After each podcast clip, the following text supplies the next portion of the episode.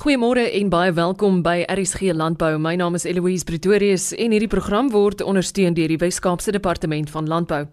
Die landboubedryf was tot onlangs nog een van die bedrywe in die land wat groei getoon het. In die eerste kwartaal van jaar was die landbou egter die bedryf wat die meeste ingekrimp het. Statistieke Suid-Afrika het in Junie maand die bruto binnelandse produk of BBP syfers bekend gemaak en daarvolgens het die land se ekonomie in die eerste kwartaal van jaar met 3.2% gekrimp. Finansiële dienste, die staatsdiens en persoonlike dienste is die enigste bedrywe wat groei getoon het. Die bedrywe het met onderskeidelik 1.1, 1.2 en 1.1% gegroei. Die landboubedryf het die grootste inkrimping getoon, 13.2%, terwyl kragopwekking met 6.9% ingekrimp het. Wandile Sehlobo is ekonom by die Landbou Sakekamer Agbiz en hy sê die inkrimping het voorgekom hoewel verwagtinge vir die tuinbousektor se winteroes te gunstig was. 'n Voorbeeld hiervan is die wyndruifoes wat teenoor verlede jaar met 2% gekrimp het en 14% kleiner as die langtermyn gemiddelde is. Die sitrusbedryf wat gewoonlik 'n ligpunt in die tuinbousektor is, kon eers in die tweede kwartaal van 2019 begin oes. Sislobo sê hoewel daar verwag is dat 137 miljoen kartonhouers sitrusvrugte vanjaar uitgevoer sou word, sal die data moontlik 'n ander storie vertel wanneer die oes afgehandel is. Hy sê die voortsleepende droogte is nog 'n rede waarom ander sektore se oeste ook kleiner as verwag is. Ek het hom gevra om vir ons die situasie meer in diepte te verduidelik.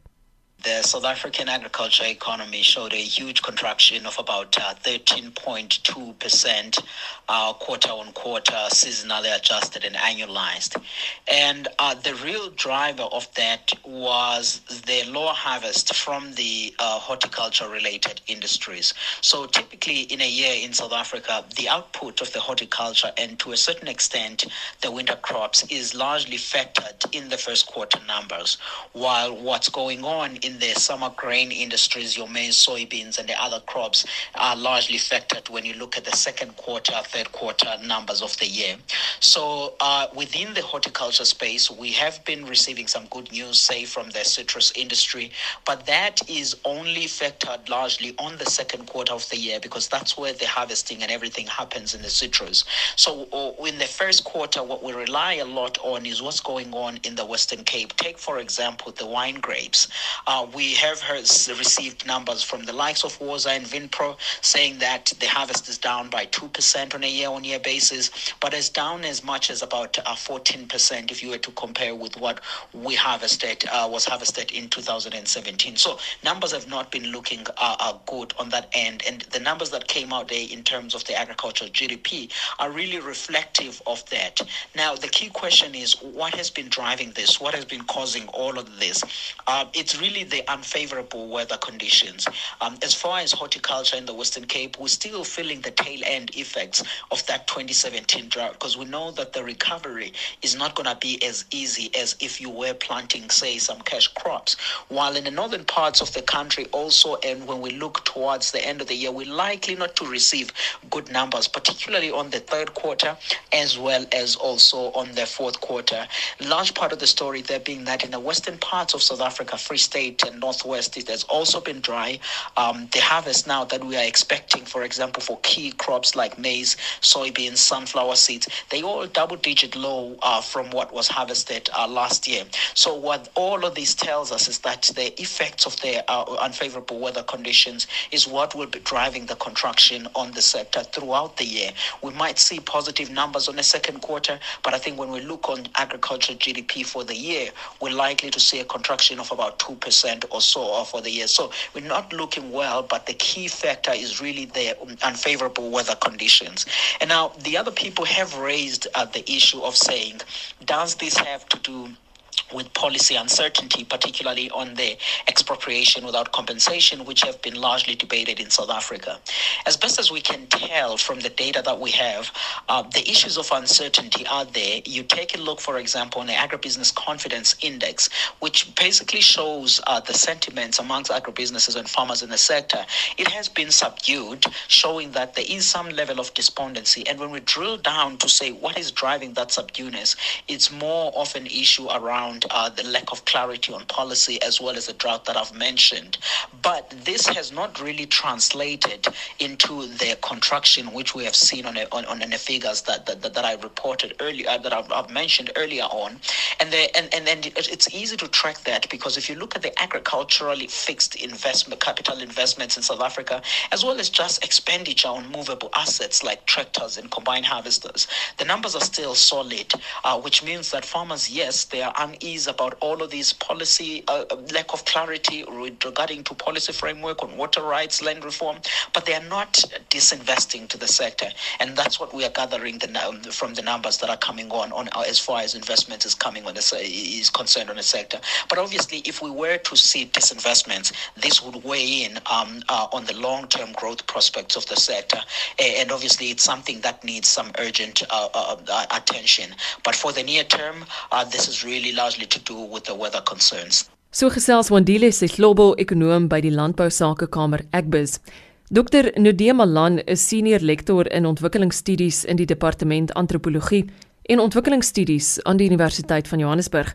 Hy is ook sameroeper van 'n liggaam met die naam Izindaba Zokudla. Hulle het ten doel om, soos hulle dit stel, gesprekke oor kos te fasiliteer. Tydens 'n onlangse konferensie het hulle ook die sogenaamde African Association for Vertical Farming bekend gestel. Nou oorweeg jy dit dalk om die produksie van jou landbouprodukte stad toe te skuif? Nou, die belangstelling in stedelike landbou neem volgens Dr Nudee Malan wêreldwyd toe en die produksie van landbouprodukte en die verwerking en die verspreiding daarvan in dorpe en stede ook. Dit sluit veral die produksie van landbouprodukte in kweekhuise, akwakultuur en binnenshuise vertikale boerderypraktyke in. Groenteproduksie op die dakke van geboue in Johannesburg is ook al 'n werklikheid. Dr Malan sluit vanoggend by ons aan om die proses van vertikale boerdery te verduidelik en sê ook waarom die stigting van 'n liggaam om dit te bevorder om na in die hart lê. The African Association for Vertical Farming is an interesting organization because we want to use the idea of vertical to indicate that we are open for innovation and are aiming to develop new systems for the current food system. The African Association for Vertical Farming will focus mainly on hydroponic systems, but will also include aquaponic systems and any new system that is uh, innovative and different and allows different entrants to the food system and the food market to participate in the food market and food system. The association will focus on both high and low tech technology. Low tech technology is perhaps more important because it allows decentralization of production and it allows a lot more people to participate in food production, which is really important. So we have more farmers, and if we have more farmers, we have a more robust food system. And if we have these farmers farming in local areas where there's a real need and hunger, then we uh, are producing food close to where it's needed. And this is the opportunity that the new technologies make possible. We have seen hydroponic systems that sell for around about a thousand rand that allow someone to produce a harvest uh, every two weeks. And these kind of systems can pay themselves off in about three months. These are uh, systems without moving parts, the, the water or the liquids don't flow, and basically the, the plants grow in a salt medium, um, and that brings the cost down quite a lot.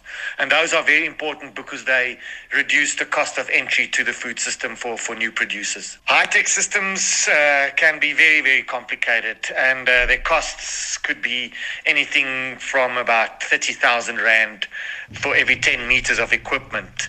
Um, high tech systems obviously have to be housed uh, for maximum efficiency in greenhouses, etc., etc., but they are also energy intensive.